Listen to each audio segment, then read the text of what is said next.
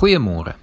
Ek lees vanoggend vir ons die storie Nou die nag op straat van Jaco Strydom voor. So nou en dan besluit 'n paar mense in ons ekogemeenskap om 'n nag op straat deur te bring in solidariteit met die haweloses. 'n Paar jaar gelede kry hulle die idee dat ons ook so straatkinders onder kartonbokse moet slaap. Geen slaapsakke en geen komberse nie en dit in die middel van die winter. Ironies genoeg was ons groepie die enigste mense wat daardie aand onder bokse geslaap het. Die straatmense het almal matrasse en komberse gehad en hulle het ons nie eers jammer gekry nie. Ek sou seker niks goeds van die nag kon onthou nie. Was dit nie vir die eienaardige man wat ek ontmoet het nie. Iemand het gehoor van die vreemde ou en op 'n manier 'n boodskap by hom uitgekry om by ons te kom inloer. Hy het soos 'n tipiese boemelaar gelyk. Toe ons hom uitvra, vertel hy ons sy storie. Hy was 'n lidmaat van 'n ryk gemeente in Pretoria toe hy ontdek het hy het 'n passie vir die haweloses van Sunnyside.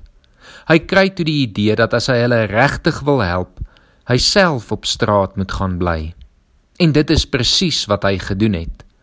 Hy het vertel hoe oop en ontvanklik die straatmense was en van die wonderlike vriende wat hy gemaak het.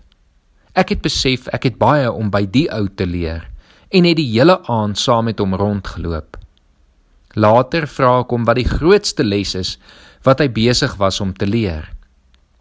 Hy het gestop en eers na 'n paar oomblikke geantwoord. Ek het nog altyd gedink 'n mens moet ryk wees as jy armes wil help. Maar ek begin nou wonder of dit nie is waar ons die groot fout maak nie. Miskien moet ons arm wees as jy die armes wil help. Sy opmerking was te gelyk pragtig en ontstellend. Ontstellend omdat ek skuldig gevoel het dat ek dit nie ook doen nie. Pragtig want dit het my herinner aan wat Jesus vir my gedoen het. Dit was sekerlik die beste vertaling van die evangelie in ons konteks vandag wat ek nog ooit teëgekom het. Die meeste mense sou sê dat wat die man doen 'n onpraktiese uitsondering is. Dis tog onmoontlik vir die meeste kerkmense om so iets te doen. Maar jy moet ook erken, die wêreld sou 'n baie beter plek gewees het as meer mense die evangelie soos hy sou verstaan. Ek wonder soms of ons manier van kerk wees vandag nie net te netjies, te veilig en te deftig is vir 'n stikkende wêreld nie. Iets wat my destyds, toe ek 'n tyd lank in Indië gewoon het, die meeste ontstel het, was die baie kinders wat saam met hulle ouers op straat woon. Tog, hoewel ek ontsteld was, was ek ook altyd verbaas oor hulle vreugde. Kalkutta word byvoorbeeld nie verniet die City of Joy genoem nie. Die woorde van die vreemde man op straat het my herinner aan 'n droom wat ek eendag gehad het. Dit was oor een van daardie vrolike Indiese kinders in die vuil strate van Kolkata. Die dogtertjie het uit 'n donker steegie verskyn. Sy het nader gestap en vreemd na my gekyk. Iets het haar duidelik ontstel. Eers toe sy naby genoeg was, kon ek sien dat sy my jammer kry. Sy wou huil. Dit het gelyk asof sy iets wou sê, maar haar oë het gehuiwer. Die kind wou my help, het ek met 'n skok beskef. Maar sy het duidelik nie geweet waar om te begin nie.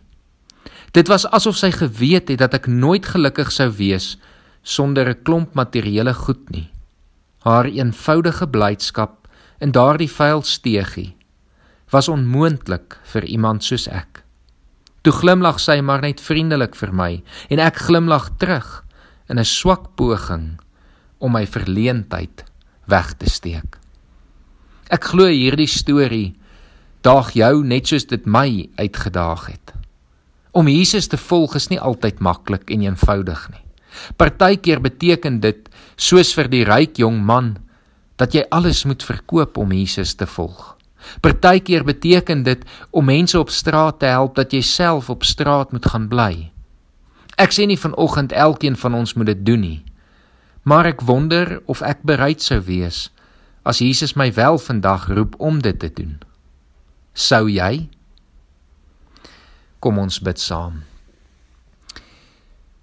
Here, ons word maar bewus dat ons nie altyd dit reg kry om onsself in totaliteit met ons hele wese en ons hele lewe aan U oor te gee nie. Maar Here, ons wil. Ons wil gehoorsaam wees en Here, daarom kom vra ons dat U ons sal lei, dat U deur U Gees vir ons wel bekend sal maak wat U van ons verwag en wat U wil hê ons moet doen. En Here dat daar wanneer ons geroep is, ons wel gehoorsaam sal wees. Maak nie saak wat dit inhou en wat die gevolge kan wees nie, Here. Dat ons nie dan sal huiwer nie, maar dat ons U sal vertrou om groot stappe te neem sodat U koninkryk kan kom. Ons bid dit vanoggend in Jesus Christus se naam alleen. Amen.